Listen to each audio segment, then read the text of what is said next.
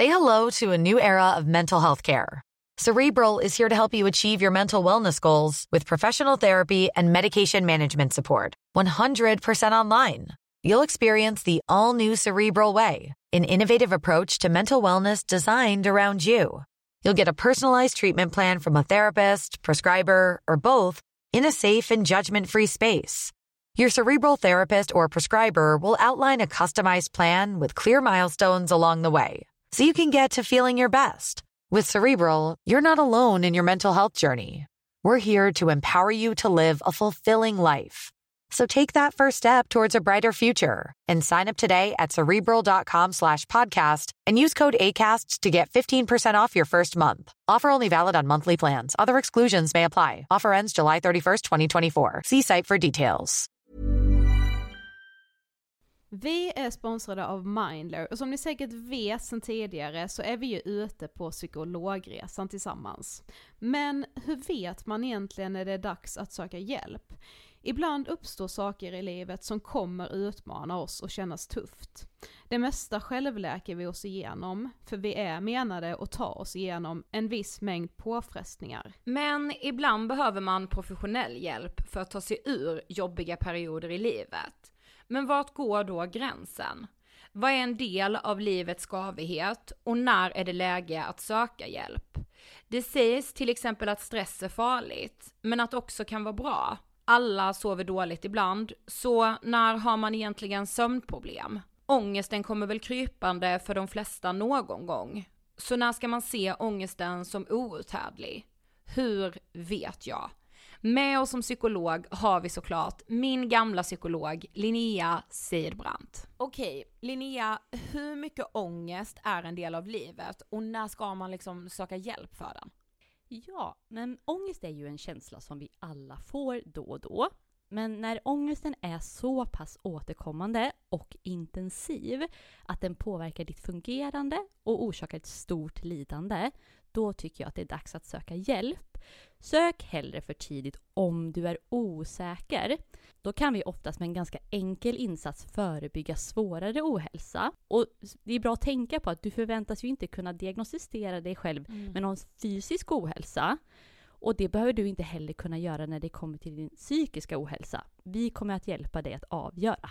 Gud vad det där är, alltså det, är det tror jag är haken för så många, inklusive mig själv, att jag ska redan veta vad mitt problem jag ska är innan jag kommer in. till... Ja. Oh jag ska komma till psykologen och säga hej, jag har liksom eh, PTSD och trauma och eh, kanske eventuellt ADHD och eh, är nedstämd och kanske en depression.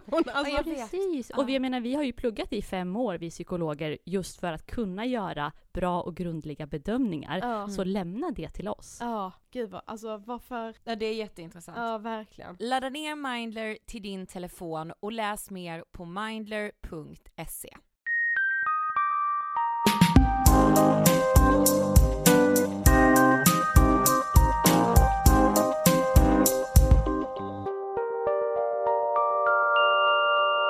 Hej allesammans och hjärtligt välkomna ska ni vara till avsnitt 116 av Ångestpodden. Hej hej! Innan vi sätter igång dagens avsnitt så vill vi prata om terrorattacken som eh, inträffade i Stockholm i fredags den 7 april. Mm, alltså det, jag har fortfarande svårt att förstå vad det egentligen var som hände. Ja, och eh, jag, även om jag har varit där efteråt mm så är det så himla svårt att ta in. Mm. Nej men alltså så här, man har ju sett när det har hänt, ja men så här i Paris och Berlin och alltså du vet. Mm. Och det, är jätte, det har varit jättehemskt alla de gångerna också. Men när det händer på en plats som är så nära en som man går på typ varje dag, alltså vi hade lika gärna kunnat vara på den gatan i fredags. Mm då blir det så himla svårt att ta in på något sätt samtidigt som det blir så mycket mer verkligare än när det har hänt i storstäder runt om i Europa. Ja men exakt och alltså det, alltså det blir så här, det bara det är mina gator. Mm. Eh, och, och den här liksom otroliga rädslan i fredags av att smsa och ringa sina vänner med bara så här en enda fråga och bara lever du? Mm det kändes så himla himla overkligt. Ja. Och det är klart att det är lika hemskt när det händer i Paris eller i, ja men vad som helst i världen. Sånt här händer hela tiden. Mm. Det är såklart lika hemskt men det kommer ju så nära en när det är på ens gator liksom. Ja. Jag och Sofie vill verkligen bara säga att vi tänker på offren och alla anhöriga och alla som eh, på något sätt är drabbade. Det är vi ju allihop. Mm. Men jag vill verkligen också säga att jag tycker att så som liksom Stockholm öppnade sina armar, sina hjärtan. Det har varit så himla tryggt och så här fantastiskt att se. Ja men alltså Stockholm gick ju verkligen redan i fredags gick ju stockholmarna emot terrorismen Mm. på ett så, nej det var starkt. Verkligen och manifestationen och alltså jag tycker bara det är helt, ja men det är underbart att se att det kan liksom, att vi, vi är så starka tillsammans. Mm. Och jag kände också, jag, jag, när jag var på platsen i måndags så var det ett barn som hade skrivit en lapp och satt på polisbilen. Så hade det här barnet skrivit så här att eh, sov gott, vi ska se till så att kärleken vinner. Ja. Och jag tyckte det var så talande på något sätt. Mm. Okej, men nu när vi spelar in det här är det onsdag och det har gått några dagar sedan vårt liveprogram på SVT. Alltså jag, jag svävar typ fortfarande på moln. Nej men det gör verkligen jag också. Alla ni som tittade och delade med er, ni som var i studion och delade med er. Alltså ni har liksom ett litet rum i mitt hjärta som jag kommer återvända till då och då i mitt liv. Och plocka fram er och bara visa, alltså jag är så tacksam och glad. Men om ni missade på Höjt Zäta live i söndags så finns ju hela programmet kvar på SVT Play i sex månader. Så det är bara att gå in på SVT Play och söka på Projekt Z så kommer hela programmet upp där. Alltså kan du förstå att vi rådde i hamn en livesändning? Nej. Inte jag heller. Men vi gjorde det. Mm. Så otroligt kul, för jag vill bara göra mer sånt här. Ja men man fick ju blodad tand som man brukar säga. Exakt. Eh, och vi har en underbar gäst med oss den här veckan. Ja för denna veckan har vi med oss Cissi Wallén. Yay! Men vet du vad? Nej. Innan vi drar igång intervjun och innan vi börjar prata om Sissi så ska vi tacka våran bästis-sponsor lyko.se. Mm, alltså vet, jag är ju fortfarande sjuk. Ja, Alltså jag har ju fått, jag har, jag har ju gått med världens förkylning ett tag och nu har jag verkligen fått influensa. Jag låg tänkte det innan att så sjuk som jag har varit det här året har jag nog fan inte varit under hela mitt liv. nej. Men då hinner man ju också ligga och tänka på så här, när jag väl är frisk, alltså då ska jag highlighta mig utav bara, ja, alltså Men vadå? jag ska highlighta, highlighta, highlighta. För det är ju påsk nu när vi spelar in det här också. Mm. Och du vet våren ligger i luften även om jag har hört att det ska bli dåligt väder. Och då var jag inne faktiskt igår på Lyko och klickade hem massa godbitar. Mm. Och då kände jag bara så här. Jag gillar verkligen highlighted by Lyko men vet du vad jag mer gillar? Nej. Lyko är lycka! alltså, Ja. alltså hur bra är den? Så jag uppmanar er Lyko att ni ska ta till er min Lyko är lycka. För igår när jag hade varit inne på Lyko, då kände jag så. ja. Vadå, jag körde ju faktiskt en, eh, vi pratade ju för några veckor sedan om så här att vi skulle börja våga lite mer, du vet så här, ja men ha lite, ena dagen kanske man har rosa läppstift och nästa dag har man svart, alltså du vet så att man Mm, jag verkligen, gör hela den. ja. Ja, Och för några veckor sedan så färgade jag ju faktiskt mitt hår rosa. jag vet. Och jag kände mig så jäkla cool när jag gjorde det. Ja men det var så snyggt också. Ja, det var, det blev faktiskt jättefint. Nu är det ju dock försvunnet för det, man tvättade ju ur Ja, men jag vet. Vet du, jag vill faktiskt också säga så här att nu när vi gjorde vårt program med SVT Mm. så eh, förstår man ju hur otroligt många människor där ute det är som faktiskt lider av någon form av psykisk ohälsa. Mm. Så jag vill liksom ge en sån eloge till Lyko som visar att de tar sitt ansvar, som verkligen brinner för de här frågorna på samma sätt som vi gör, det ska de liksom hyllas för. Ja men det är liksom största applåden någonsin till Lyko. Ja, och Sofie kom ihåg var ni hörde det först. Lyko är lycka. Den är jättebra Ida. Ja men jag säger ju det. Ja. Tack lyko.se. Okej, Sissi Wallin. Ja, Jag tycker ju att hon är helt otrolig. jag med. Alltså det har så här, det var kul att när vi äntligen fick till den här intervjun, för vi har ju liksom varit nyfikna på Cissi ganska länge. Ja, Och vi har liksom så sett ibland när hon har, någon gång för ganska länge sedan så la hon ut att hon lyssnade på oss. ja vi vet ju att hon är en trogen Ångestpodden-lyssnare. Precis. Eh, och förra veckan så pratade vi ju med Viktor Frisk om ADHD. Och Sissi har ju faktiskt också ADHD. Mm. Så det blev ju liksom ett snack om det med henne också. Men vi tyckte typ att det kändes ganska viktigt för att det känns som att Alltså jag vet inte, det är kanske bara en känsla man har men det känns som att det är vanligare att killar vågar gå ut med att de har ADHD. Ja, Alltså det känns lite mer... Lite nej men mer... det är så här, alltså du vet man pratar om den här, de här stereotypa bilderna, jag är så trött på allt som är stereotypt. Ja, Nej men så här, man pratar om den här killen som har så mycket energi och han är överallt och han klättrar på väggarna. precis. Det där dampbarnet tänker man ju. Ja men precis, typiskt det man säger också. Mm. Men det finns ju faktiskt tjejer som har ADHD också. Ja, och det behöver inte vara då att man så här bara har mycket energi och bla bla bla. Det kan ju liksom vara koncentrationssvårigheter, mycket ångest, alltså det finns ju så många sidor av det. Ja men precis. Och alltså jag vill verkligen bara säga att jag, ja men jag ser upp till Sissi så otroligt mycket.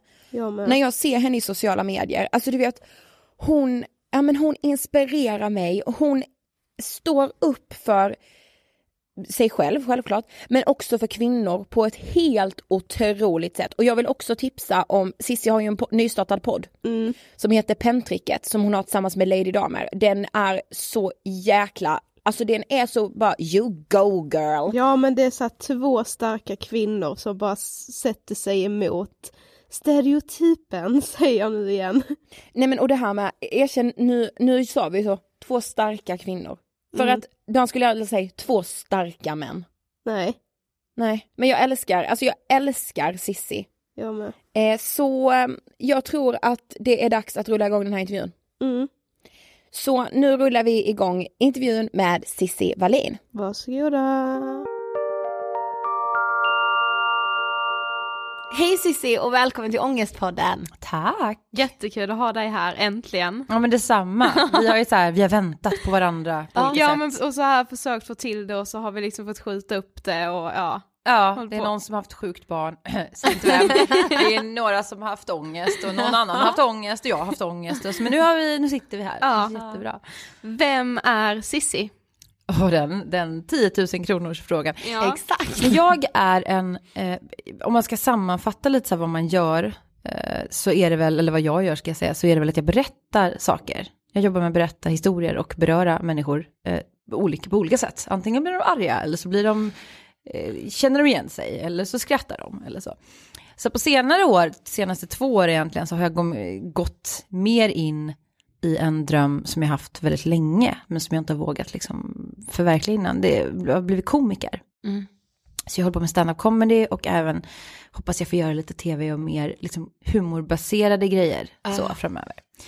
Eh, men innan, så jag är 32 snart, eh, så jag har ju hållit på i tio år med att skriva i Metro, vara programledare på TV4, eh, gjort, haft eget radioprogram i både Sveriges Radio och Radio 1 som inte finns längre. Sen kom poddarna, kanske var lika bra. Eh, men så har jag gjort jättemycket saker. Så. Men, Ja för vi pratade faktiskt om det innan, så här, det känns som man har sett dig överallt, alltså så här, i så många olika sammanhang. Inte Let's Dance, det har jag inte. Nej, inte så, än. Nej, nej, vi får se. Jag har typ ingen motorik. Alltså jag har verkligen ingen motorik. Så vi får, det kan bli väldigt roligt i och för sig. Ja. Har du drömmen om Let's Dance? För det har ju jag. Eh, Du har det? Ja. Jag kan tänka att du skulle passa i en rumba.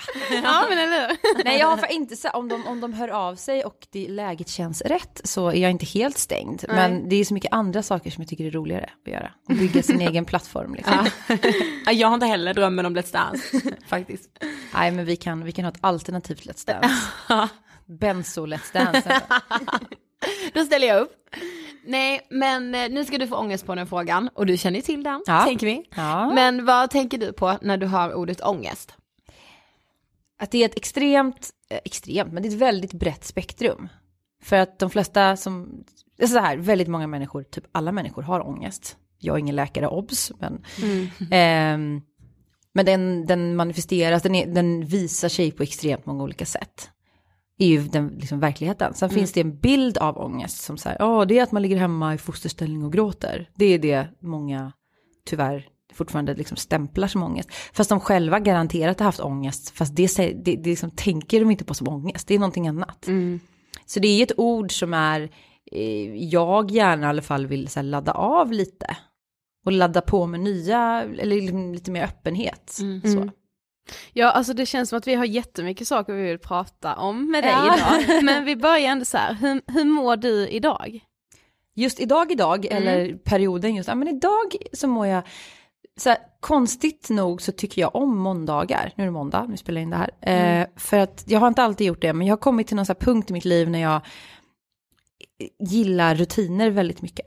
Jag har ju liksom kämpat mycket för att få rutiner och inte lyckats få ihop, som Lars Winnerbäck sjunger, jag får liksom ingen ordning på mitt liv. Jag kan inte sjunga som Lars Winnerbäck. Men det är lite så, man bara, ah den låten handlar om mig. Och Lars Winnerbäck, vad roligt. Eh, måndagar är för, för mig nu för tiden ganska så här, gud vad skönt, då kan jag hugga tag i saker igen och jag kan liksom skriva de här listorna jag behöver skriva för att inte allting bara ska vara så här kaos i huvudet och, och så. Så just nu mår jag faktiskt på en skala, det är svårt att säga, en sjua av tio. Det är ju bra. Ja, sen vet man ju av livserfarenhet hittills att det där kan ju förändras jättefort. Mm, för grej, Eh, det, det kommer vi in lite på. Ja. För vi lyssnade på en annan podd som du gästade.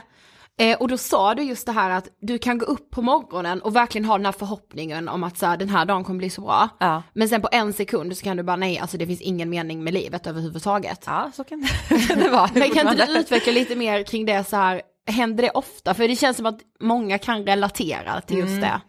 Alltså, sen jag fick barn, han är snart två år, så har man tvingats, den podden spelade jag väl in innan jag fick barn tror jag, jag kommer inte ihåg, men oklart. Men i alla fall innan liksom jag hade ett så stort barn så att det påverkade, när man har en bebis så är det mer så här, ja, lite, det är inte soft att ha en bebis, men det är softare än att ha en tvååring som springer överallt så. Och så ska man passa så här förskoletider och så. Nej men jag kan, Eh, jag är ju, i och med att jag har ADHD som vi såklart ska prata om, så är jag ju väldigt påverkningsbar av liksom yttre faktorer. Så jag, är, jag har liksom inget filter. Så det kan, kan hända någonting, jag kan få ett så här härligt mail på morgonen när jag vaknar, har någon skickat ett mail så här som gör mig jätteglad. Att det är någonting som har gått i lås eller att någon skriver något snällt eller jag bara yeah I'm on high, så här, top of the world, high on life. Och sen så kan jag få ett till mail en timme senare som inte är lik, det behöver inte vara dåligt, det kan bara vara något så här, det här, du måste skriva om det här eller vi tycker det är bra men du, inte, du kan bättre. Någonting som kanske bara är lite mer motigt. Då kan det bli så här, jag hatar livet, jag vill inte leva. Sen så vill jag ju inte, det är inte att jag blir liksom faktiskt självmordsbenägen, det ska jag inte, absolut inte säga. Och förminska de som är det, men ni förstår vad jag menar, det kan svänga extremt fort. Eh, Men sen jag fick barn som sagt så har det faktiskt, jag har tvingats att zona ut lite från de känslorna och inte bara gå på, gå på impulsen hela tiden utan så här okej, nu kom det en litet, eh, liten motgång här, ja men då får vi väl liksom kavla upp ärmarna och för att min unge skiter ju i det. Ja. Han skiter ju om jag har en dålig morgon en lördag liksom. Eller en dålig förmiddag. Ja, du har ju som sagt ADHD och när du fick din diagnos så skrev du i din blogg som att det var lite som att komma hem. Men Ja. hur gick det till när du fick din diagnos? Eh, jag var 20, eh, jag ska komma ihåg här, det, var, det är typ 10 år sedan, 8-10 år sedan. Jag var runt 25, lite yngre, 23 kanske? Typ som vi är nu. Ja, Men det är rätt sent eller? Ja, är det sent för att få? Alltså det finns ju människor som får, framförallt kvinnor så är det ju så här 60-åringar som får. För att just kvinnor har liksom inte diagnostiserats. Som vanligt när det handlar om kvinnor så är vi alltid så här bortprioriterade. Och den kvinnliga varianten av ADHD som faktiskt skiljer sig lite från mans, nu gör jag kaninöron här, men mansvarianten. Den har liksom inte tagits lika mycket på allvar. Man har forskat mest på det, mäns sätt att ha NPF-diagnoser som det heter. Så att jag var, jag var ju absolut inte äldst av alla de som gick, vi var liksom ett gäng, vi kände ju inte varandra, men vi var på mycket sådana grupptester ihop samtidigt. Extremt spännande, konstig situation. Så att jag var väl, alltså med facit i hand så hade jag väl gärna varit eh, 12. Men när jag var 12 så fanns typ, alltså då pratade man inte, det var liksom 90-talet, mitten på 90-talet, då pratade man inte om det här. Då hade någon kille i varje klass hade damp. Ja. Ja. Men så var det ju när vi också gick typ så här lågstadiet, mellanstadiet. Ja. Alltså verkligen. Mm. Det var inte så här ADHD utan bara, ja men här har damp. Ja, och alltid en kille också Ja. så här, som spelade till fotboll och var så här. Ja men då var. Krille, och så här, Ja, Krille har damp, är aggressiv. Och det är ju så här sorgligt för de killarna som blev dampstämplade, det är ju inte ens säkert att de hade det. Alltså att de, det, var ju mer ett sätt att bara etike, etikettera, etiketta säger jag, någon som var på ett sätt som stack ut. Mm. Så att eh, jag var 24, vi säger 24, för jag minns inte exakt. Jag har ett papper, pappershög hemma någonstans, men jag är inte så bra på att hålla koll på papper. Jag har hela min utredning i någon eh, mapp som jag kan rota fram någon gång. Men då så gick jag ju, och det var ganska skönt för att, eh, nu babblar jag bara på här. Ja men varsågod. ni- för nu mer, alltså på typ tio år så har det ju hänt, det har blivit lite så här inflation i kliniker eh, som gör utredningar. Och det är mycket privat, och det är inget fel att man kan göra utredning på många ställen, men tyvärr så har jag fått liksom first hand stories av folk som, ja jag fick min ADHD-utredning på en eftermiddag, jag gick till det här stället och betalade 1500 spänn. Ja, men, Och då kan man ju fråga sig, ja, hur seriöst liksom, att det är väldigt lättvindigt att sätta en stämpel på någon. För det är en stämpel, oavsett om man inte tycker att det är jättejobbigt att ha ADHD så blir man ändå liksom, man får, en, man får den här diagnosen. Så jag höll på att utredas i liksom typ tre månader. En eller två gånger i veckan gick jag dit och fick liksom, det är så här psykologsamtal, det är IQ-tester, EQ-tester. De bara, kan du rita en cykel? eh, impulskontrolltester, vi skulle sitta så här, det är som en sketch. Fantastiskt roligt och konstigt. Så här, tio personer som antagligen då alla har ADHD. Eh, vi har inte fått någon diagnos än, men sitter i ett rum framför varsin så här stationär dator och så är det helt mörkt i rummet och så säger någon så här pedagogisk doktor bara, nu ska ni sitta still här i 14 minuter och så ska ni hålla handen på musen och så kommer det komma, på den svarta skärmen så kommer det komma vita bokstäver helt oregelbundet i 14 minuter. Det kan vara så här, dit, dit, dit, dit, dit, dit, dit, paus i 30 sekunder, sen kan det komma en, och så, ni förstår, helt oregelbundet. Och ni ska klicka på alla utom bokstaven X. Och vi bara absolut inga problem, så här, high five till grannen liksom. Och alla där inne bara fan, fan, för man, det är ett så här sätt att testa impuls, det är något, jag vet inte vad det testet heter, men eh, man prövar då liksom impulskontrollen att hjärnan och handen kommunicerar inte så bra som normalstörda hjärnors eh, händer, ja ni fattar. Så att man tänker ju så här, ska jag inte klicka på X? Och så kommer det X och så klickar man ändå för att man har klickat på alla andra. Alltså man är bara inne i det här klickandet liksom. Bara. Så att eh, sådana tester kan man ju inte fejka. Alltså även om man så här jättegärna vill ha ADHD, om det nu finns någon som vill det, så kan man ju inte fabricera, liksom. Nej. Och sådana, lång historia kort, så här, det var jättebra för mig. För då fick jag verkligen en så här gedigen utredning där de testade massa olika varianter och så. Men gick du ändå en utredning för att du kände själv att du liksom ville få diagnosen för att du skulle få svar på varför du var som du var? Ja, Ja. jag sa det till min läkare för så här, jättemånga kommer ju ha googlat väldigt mycket. Och det är ju så idag, att man läser på. Mm. Fanns även Google då, inte så länge sedan, men fanns då. Men, men att man, eh, det sa min doktor, hon var jättebra, hon sa så här, ja, väldigt många kommer hit och säger så här, men jag har nog ADHD, men jag behöver få det bekräftat. Och sen kan det vara att man har ADD, eller att man har eh, Asperger, eller en kombination. Så att eh, jag var ganska säker. Och det är nog de flesta. Det är nog ingen som självmant går dit om man typ inte har blivit dittjatad. Någon som har så här sökt vården och hjälpen själv som bara, ja absolut inte tror jag. Nej, det är nog bara, jag bara kollar för säkerhets skull. Utan man är, har man kommit så långt att man faktiskt söker den hjälpen så är man nog ganska, det är ganska uppenbart tror jag. Mm. Så du kände med så typ lättnad och att så här, gud Ja. vad skönt, nu vet jag. Det tråkiga var bara att de, de var ganska kliniska, så här, de måste ju vara läkare liksom, och psykologer och sådär. Men när jag fick mitt utlåtande då, tog jag med min dåvarande sambo, som sen också fick en ADHD-diagnos. Jo, några år senare, men det är en annan historia. Vi dras till varann. Min nuvarande har inte, han är normalstörd. Thank God. Det blev lite för mycket annars. Men i alla fall, då tog jag med honom och bara så här, för att jag behövde ett stöd. Och det är ett ganska bra tips, för att tyvärr så kan ju fokus inom vården ligga mycket på det som är, jag vet inte om ni har samma erfarenhet, men bara problemen som finns. Ja men Sofia, hon, det är ju, du har ju problem med det här och du har svårigheter med det här och liksom, ja jag vet vad mina svårigheter är och det är jättebra att ni säger det, men det finns faktiskt positiva saker. Mm. Och det hade jag ju sagt i liksom, intervjuerna vi hade gjort under utredningen, alltså, jag är väldigt kreativ, jag är bra på att få igång andra och liksom få igång en bra stämning och bra kreativitet och så här. Men det sa de ju inte, för det kan man ju inte kliniskt bevisa Nej. på något sätt. Kul att du säger det för vi skrev faktiskt ner det för vi får så mycket mail om just det här. Ja. Att så här, ja, det kan ju vara ADD eller ADHD och så här. Att, ja men man känner själv att läkarna liksom ger en så negativ bild av Ja, men det. de man, ger en en dom nästan. Ja, men precis. Det är inte som att få ett cancerbesked. Nej precis. Det är inte, för där finns det ju inget positivt överhuvudtaget. Det är bara tr- jävligt tråkigt på ren svenska. Men att få en ADD, ADHD, Asperger eller vad det nu är, diagnos är ju också, tycker jag, beroende på vem man är såklart, är ju inte en curse. Can Nej. also be a blessing. Mm. Så det önskar att vården är lite mer, lite mer vidsynta och kan säga så här, vet du vad, det är många som upplever att den här, det här sättet att vara på också kan vara en styrka. Mm. Jag tänker framförallt för de som är yngre när de får, alltså nu var du ändå 24, visst det är ju Ja. också, men tänk att vara typ 12. Ja, visst. Det är Eh. ännu, jag var ju ändå ganska så här, jag hade en karriär och förhållande och liksom, jag var ju vuxen på pappret i alla fall. så, att, så att för mig var det inte så här, åh nej, hela mitt, hela mitt liv faller samman. Men jag har en kompis som fick Asperger-diagnos när hon var 15 och då sa de till henne att så här, "Eh, du kommer aldrig, du kommer aldrig få kunna ha en partner, du kommer aldrig kunna ha ett jobb. Eh, Ja men verkligen bara så här, sänkte hela hennes självförtroende. Sen har hon tack och lov lyckats. Ja. Hon blev lite taggad av det och bara, jag ska minsann visa dem. Ja. Men det kan ju lika gärna slå fel, att man känner sig helt så här, "Ah, nej men då är det ingen idé att jag ens försöker någonting. Då Nej. kan jag, jag ligger hemma och gråter liksom. Precis. Men du nämnde bara lite fort att det ändå lite, kan vara skillnad på att ha ADHD som man och att ha Ja. ADHD som kvinna. Vad är liksom skillnaden?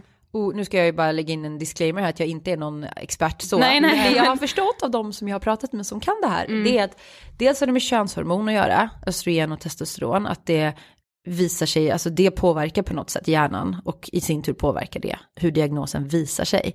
Sen är det väl könsroller också, att killar generellt uppfostras till att vara mer extroverta, ta mer plats, att ADHD då blir mer äh, liksom utåtagerande. Och det är därför tjej, tjej-ADHD, om man får säga så, eh, är svårare att upptäcka. För att jag har aldrig varit särskilt så här, när jag var liten till exempel, när jag var, från att jag var liksom jätteliten till jag var tio, så satt jag mycket och bara, jag kunde sitta och rita i flera timmar. Och skriva, det var liksom det jag, innan, vi hade ju dator hemma sen, men innan det skrev man ju för hand och gjorde så här berättelser och klipp och klistra. Då, och det är så här, det kan man inte göra om man har ADHD. Bara, jo, det kan man absolut, för det är så här hyperfokusgrejen. Alla som har en NPF, som det heter då, neuropsykiatrisk funktionsnedsättningsdiagnos, det är ett ganska dåligt namn, men man får Ja. hitta på något annat. Bokstavskombo kan man säga. Har ofta i alla fall en, åtminstone sån här hyperfokusgrej. Bara, jag älskar att laga mat. Och när jag lagar mat, då, är det, då kan jag fokusera i tre timmar i sträck och inte ens behöva gå och kissa liksom. Eller jag älskar att eh, rida, jag kan vara i stallet. Eller det kan även vara så stilla sitta grej. Jag älskar att spela tv-spel, jag älskar att skriva. Och det kan jag sitta och göra liksom hur länge som helst. Däremot om det är någonting som är tråkigt,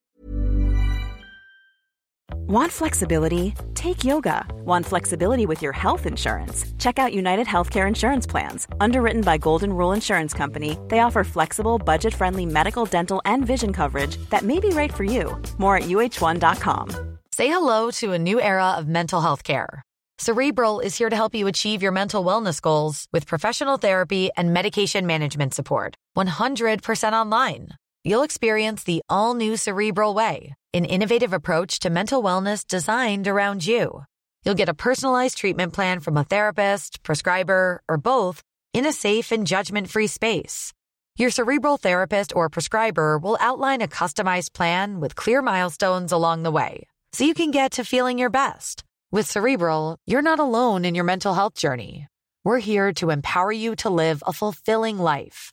So take that first step towards a brighter future and sign up today at cerebral.com slash podcast and use code ACAST to get 15% off your first month. Offer only valid on monthly plans. Other exclusions may apply. Offer ends July 31st, 2024. See site for details. typ sitta på en föreläsning. Eller på ett möte och det är mer än typ en kvart av information. Jag bara...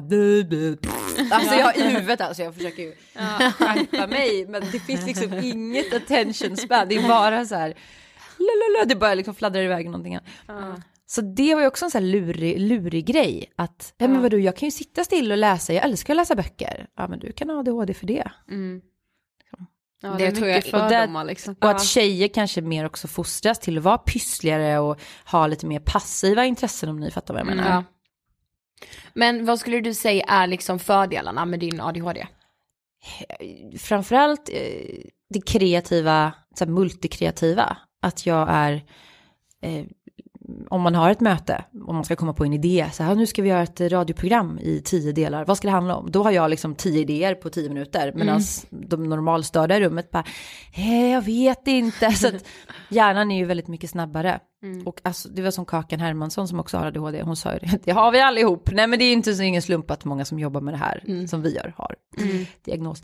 Eh, men hon sa det att hon har en extremt bra associationsförmåga. Och det har jag också, att ja men om du säger så här, ah, eh, häst, då kan jag liksom säga, ja ah, men just det, häst, då tänker jag på det här, det här, det här, så kan jag koppla upp det. Kommer du ihåg den här hästfilmen? Och det var den här killen som älskar han, man, horse whisperer. det var ett jättedåligt exempel. men ni förstår vad jag menar, att man associerar igång väldigt mycket och det har ju med den här multikreativa hjärnan att göra, att man tänker utanför boxen och sådär. Mm, det är ju världens styrka. Ja, gud. Ja, framförallt om man jobbar kreativt. Ja. Och det är väl därför många söker sig till sådana yrken där man är kreativ på något mm. sätt. Eh, och sen är det väl att jag är väldigt empatisk. Det kan nästan vara att jag är för empatisk. Att jag känner med och för människor för mycket. Så att jag så går in i det och typ tar din sorg. Förstår du mm, vad jag menar? Mm. Så där, det kan ju vara väldigt bra, men det kan också vara väldigt dåligt. Ja, för det var nästa fråga. Vad är det jobbigaste? Det är väl impulsiviteten oftast att när man är vuxen är det ganska jobbigt att vara impulsiv. Och det är inte så här att jag får, nu måste jag visa rumpan för någon och så gör jag det. Det är inte så. Eh, men däremot så är det så här, jag får en idé som jag tycker är jättebra. Det kan vara så här, ja men nu köper jag det här på Tradera, klick, Ja, 3000 spänn. Jag vet inte, kan jag ångra det här nu? Det, mm. det är mm. mycket sådana grejer. Eller typ att jag, jag bara, jag ska starta ett, eh, för ett tag sedan fick jag för mig så här, jag ska ha vernissage hemma med mina kompisar som gör tavlor. Började skicka ut så här, kom på vernissage, jag hade inte ens frågat min man. Han bara, men jag vill inte ha någon så utställning och spika i väggarna hemma. Jag bara, nej okej. Okay. Eh, hej allihop igen, eh, nu är det så här att vi skjuter, men det är så typiskt att man får en jättebra idé Uh. Och sen så bara, nu gör vi det! Uh. Vi håller på att renovera hemma nu och det är ju en, sån här, en odyssé i... Jag har sett det roligt. på Instagram. Ja men det är så här ilandsproblem, men det är roligt för att min man är ju väldigt normalstörd och han är så här, han vill tänka och fundera och liksom väga så här olika nyanser av vitt kakel. Jag bara, nej, nej vi tar den, vi tar allt, vi tar den. Jag tar den, den var fin, bara, den var väldigt dyr. Jag bara, nej men den tar vi. Sen är det ju ångestbiten med ADHD så kommer det ju ofta eh, en ångest en eh, liksom, återkommande ångestproblematik. Eh, och det har väl eh, vad jag har hört och vet att göra med liksom all, alla känslor, alla intryck som ska bearbetas. Att man blir så himla matt i huvudet. Mm. Att den här torktumlaren inte går att stänga av liksom. Mm. Och det i sin tur skapar ångest. För att det känns som så här, jag håller på att bli tokig. Eller mm. bara att man inte kan varva ner eller att man, man blir för, liksom, dras iväg i en känsla för mycket. Mm. Ja, så... för det tänkte vi lite på med så här, alltså har du något så här för att hantera din ADHD och just med ångestbiten, alltså tar du medicin eller liksom? Ja, eh, jag tar medicin, jag har så här då och då medicin, Concerta som är den mm. vanligaste typ, finns lite olika, men den tar jag inte varje dag för att jag tycker att den är lite för mycket biverkningar för mig. Det funkar, alltså den funkar ju bra på ett sätt, finns alltid baksidor, men jag tar den om jag ska göra någonting där jag måste vara extra fokuserad. Mm. Om jag till exempel har så deadline, så bara nu måste jag leverera alla de här texterna eller manus eller vad det nu kan vara, skriva till någonting. Då kan jag ta medicin för att orka fokusera på samma sak. Mm. mm. Så här, skriva en text och sen gå in och läsa den. Det är liksom, jag har inga problem att bara skriva och skriva rätt och liksom bra. Så. Men sen ska man gå in och korra ändå, då är det så här, åh vad tråkigt. Mm. mm. Så då kan den hjälpa. Uh, men sen är det faktiskt tråkigt svar, men träning konditionsträning. Jag är ingen träningsmänniska egentligen, jag tycker det är jättetråkigt, men att upptäcka hur skönt det kan vara att stå på ett löpband i väldigt kort men intensivt, typ tio mm. minuter bara. Ja, precis. då känner jag mig lite som en ny människa efteråt, alltså i huvudet. Ja. Mm. Så det kan jag rekommendera, bara så här, om det börjar, för det finns få tillfällen när jag verkligen bara kan så här vara i stunden. Och det är träning, hård, liksom intensiv, antingen jättetung styrketräning eller att man måste verkligen så här, nu, nu måste jag bara fokusera på att springa här utan att dö. Ja. Då, då är det som att hjärnan, då, då stänger den av och fokuserar bara på det. Mm. Men du har ju OCD också, som Mm. är ett väldigt, väldigt önskat ämne i podden. Ja. Eh, eller som du själv har beskrivit det, en sidekick till din ADHD. Ja, Men eh, berätta lite om din OCD och när började det? Ja men det är också så att det inte funnits kunskap och det tog ganska lång tid för mig att fatta liksom, vad, vad är det här för konstigt. Eh, när jag var åtta så, eh, det här är, så här ty, det är en så här tydlig händelse som verkligen drog igång den här OCDn kan man säga. Eh, då tittade jag på ett tv-program, eh, då hade vi typ tre kanaler hemma, tittade på något sånt här SOS, eh, 1, nej 112 hette det inte, SOS Alarm eller någonting. Och där de liksom rekonstruerar så saker som har hänt folk. Där det ändå har gått bra, men så här, eh, lilla William åt en gurkbit och satte den i halsen. Ja, jag, jag har också kollat på det. Ja, bara varför kollar man på det? Men då fick jag, då fick jag bara en fix idé. Att eh, jag trodde jag skulle sätta allting i halsen och dö.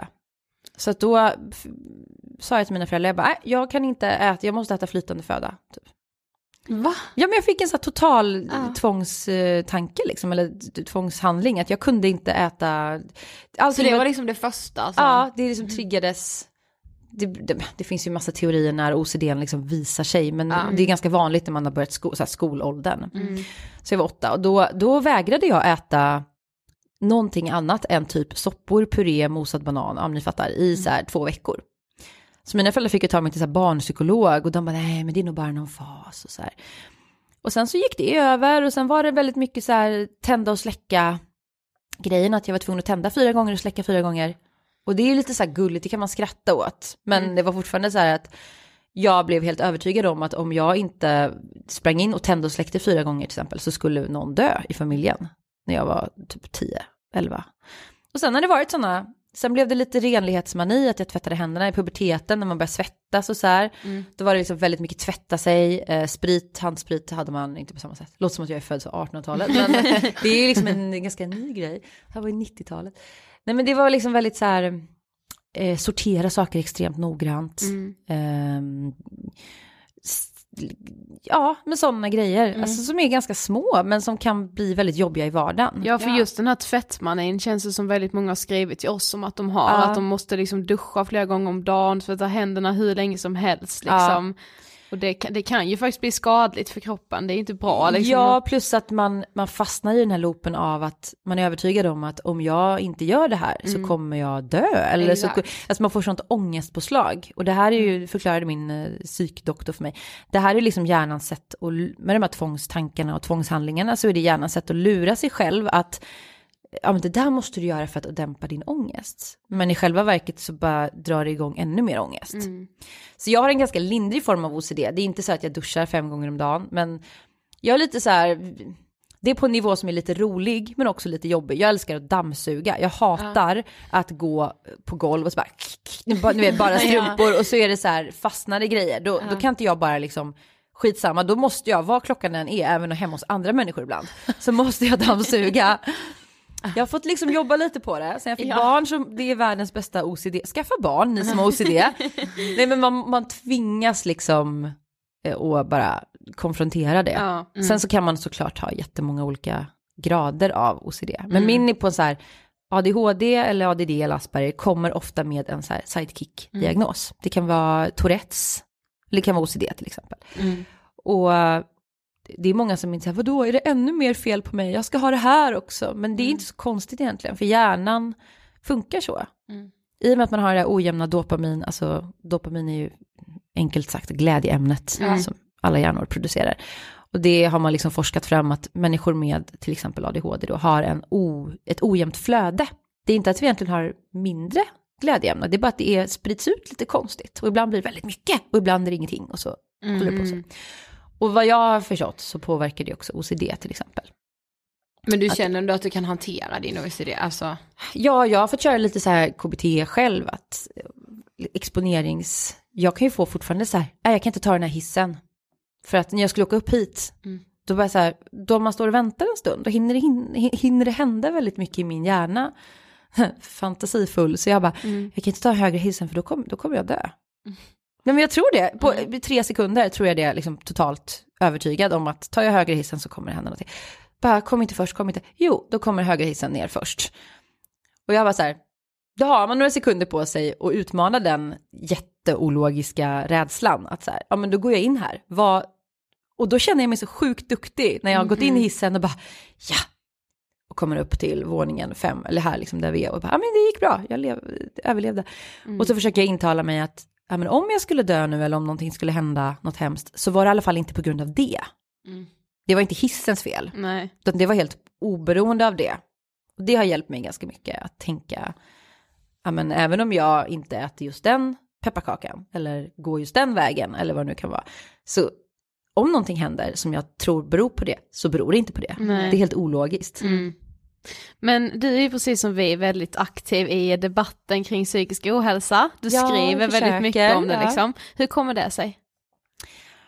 Men öppenheten är väl allt egentligen. Och i och med att jag hela mitt liv liksom har känt mig så annorlunda, att det har funnits annorlundaskap, så gjorde jag väl ett val för, ja, tio år sedan kanske, att så här, ja, men antingen så försöker jag anpassa mig och vara jättenormal, vad det nu är. eller hur, vad är det? Det är ganska jobbigt, det vet nog alla som inte känner sig särskilt normala, att shit vilket jobb det är att försöka leva upp till den. Så här, varenda fest man går på, om man ens pallar gå på en fest för man har ångest, varenda liksom, situation, om det är på jobbet eller i skolan, där man bara tänker på ett annat sätt eller får panik eller vad det nu kan vara. Och hela tiden behöva täcka upp.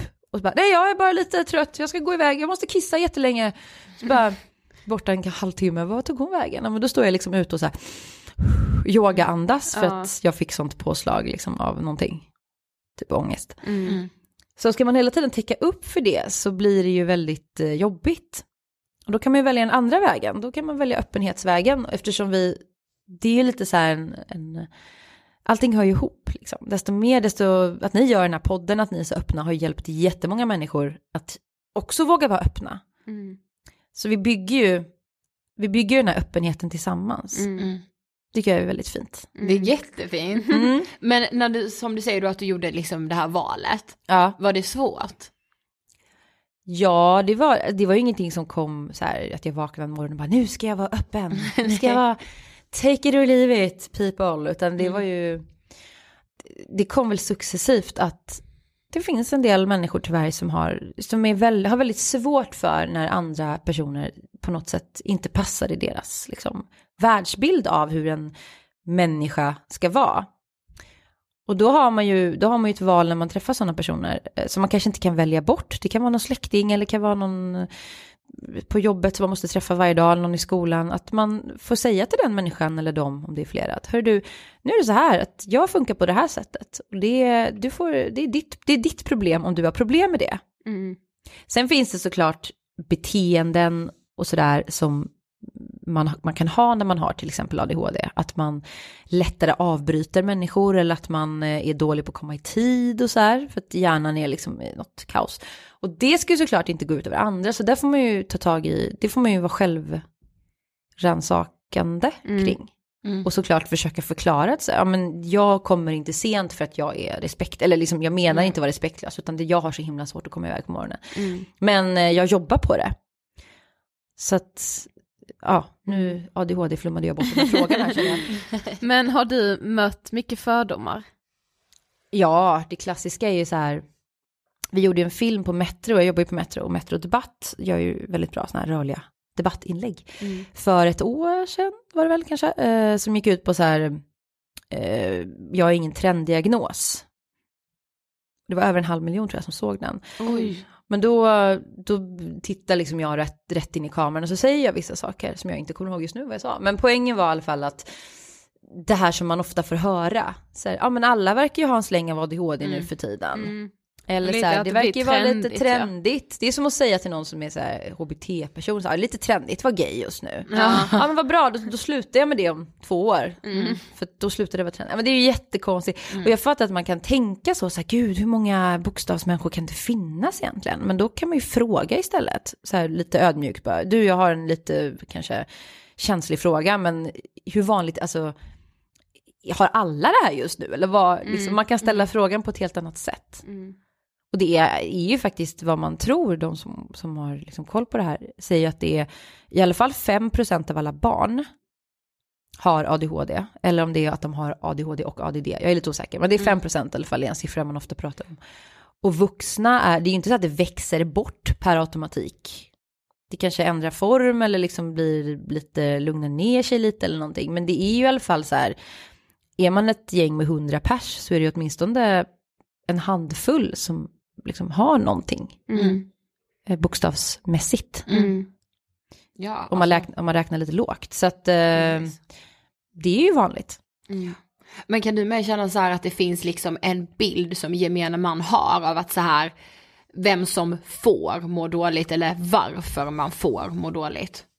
Absolut, Mm. det finns det ju. Nej men, men jag tänker så här man kan känna att, ja men så här offentliga människor, att liksom då säger, nej men alltså ni förstår så här offentliga människor som går ut och pratar om att så här, jag har ADHD eller jag mår dåligt så här. Att, det, att man liksom rycker lite på axlarna åt det och bara, ja men den personen liksom, den kan inte ha det så dåligt för den är ju liksom, Men har inte ni fått höra det? Ni som är så framgångsrika Jo, och snygga gud, och ja. unga. Hur Jo det var ju ni... typ så här, alltså när, om man träffar en ny person nu som bara, "Men vad gör du? Så här, bara, "Ja, men jag gör en podd, så här ångestpodden. Oj det låter deppigt. Man bara, ja fast för det första så är det inte alltid det liksom. Ja det är tungt ibland liksom. Så här bara, men vadå, alltså ni ser ju inte ut som två tjejer som liksom kan ha ångest. Ja typ. men det är Man ju bara, klassiker. "Va?" Och hur ser man ut då? Snälla berätta. Ja. Vi säger ändå det så här, i vår föreläsning, man har typ en bild av att det är bara folk som går i helt svarta kläder, helt så här, massa kajal runt ögonen, alltså det här typ emo som typ Ja. var inne och var när vi gick i högstadiet, liksom att det är liksom definitionen av hur man ser ut om man har Ja, men ångest. I, I alla fall vår ålder, alltså så här, alltså de som är födda liksom typ så här på tidigt 90-tal, de tror jag har det. Alltså på riktigt. Ja. Men det är väl en sån här stigmatisering, jag tror att det är också ett sätt att distansera sig, att så här, behöva hantera, så att de flesta människor som är, har någorlunda tankeverksamhet fattar nog att ångest finns i alla samhällsklasser, alla åldrar, alla typer av människor. Och det är ju så här, ja, du kan ha ett jättegött liv materiellt, jag har ett väldigt gött liv, alltså så här, jag behöver inte kolla vad maten kostar när jag handlar liksom, det är jättelyxigt. Men det, det är ju en liten del i livskvalitet. Sen är livskvalitet så mycket mer som inte har med materiella saker och liksom, eh, vad ska man säga, ens just hur, hur man lever sitt liv rent praktiskt. Det finns ju människor som är jätterika eller jätteframgångsrika och bara så här ligger och gråter liksom, i fosterställning varje kväll. För att de känner sig otillräckliga, alltså det finns ju ingen objektivitet i ångest. Nej. Det är inte så att det finns en ångestgud som bara, du förtjänar ångest så du får ångest. Du förtjänar inte ångest för du är jättelycklig på pappret. Så du får, alltså det, får, Nej, så bara så. når du bara de här framgångarna så slipper du all din ångest för evigt. Ja men det är väl därför man får eh, hobbyanalys, men mycket ångest också, eller många får ångest, för att man tänker så himla mycket så här, bara jag lyckas med det där. Och det har ju inte med min ADHD att göra, det har ju med mänsklighet att göra, med all, allmänmänsklighet, men till exempel det här med kroppsideal. Har ni säkert gjort något program om kan jag tänka mig, eller? Ja, Ja, komplex har vi gjort. Ja. Eh, jag har inte hört alla avsnitt, förlåt. Va? Va? Nej, då får du gå ut. Nej, men då, då är det så här, jag hittade bilder på mig själv när jag var typ 28, 27, innan jag fick barn och jag var så här, tränad jättemycket och var jävligt fit liksom. Och såg ut som, eh, alltså jag är ju inte smällfet nu, men kroppen förändras ju med åldern och sådär.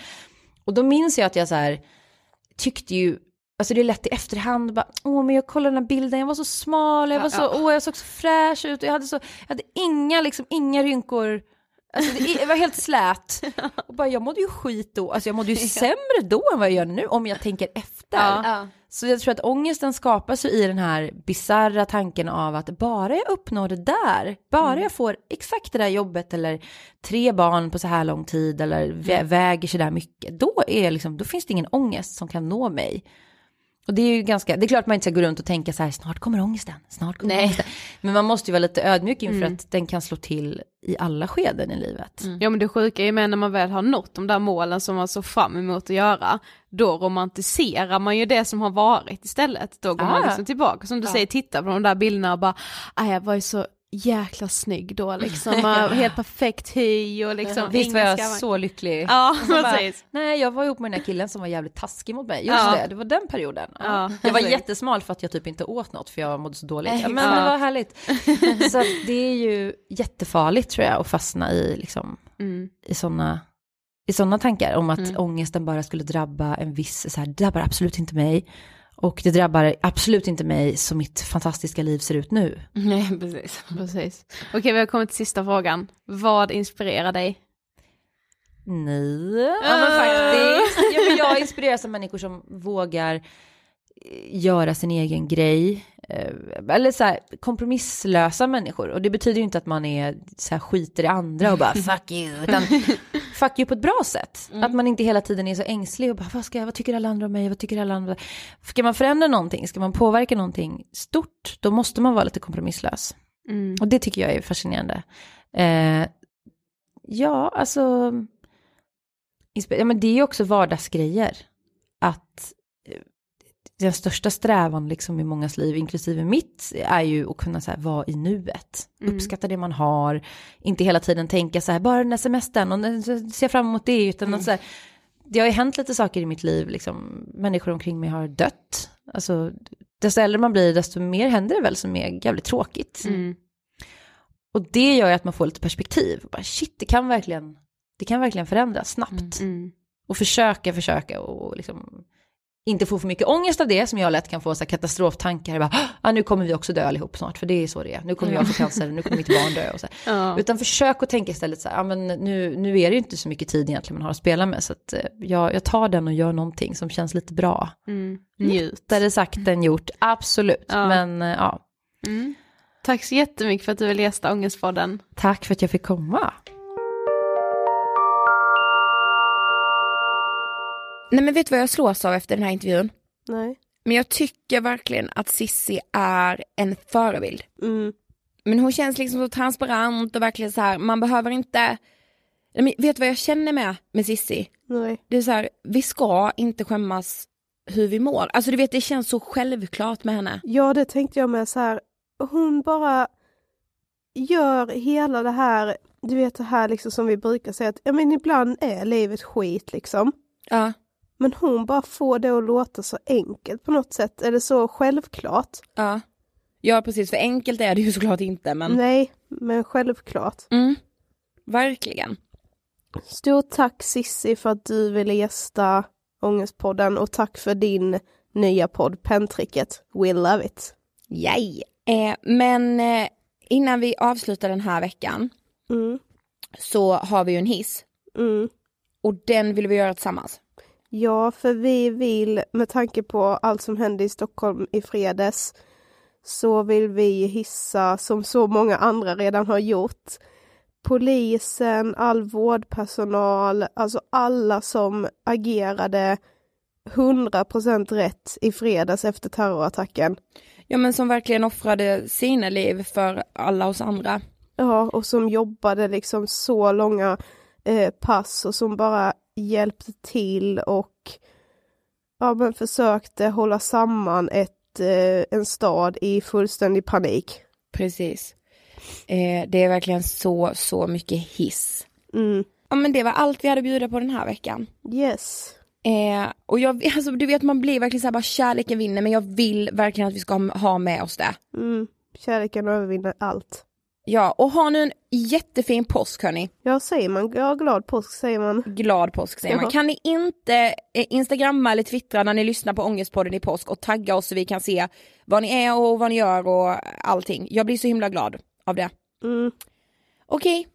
Och eh, en annan sak också, följ oss på Instagram, där heter vi Angestpodden. Eh, jag heter Ida Hockerstrand på Instagram. Och jag heter Sofie Hallberg.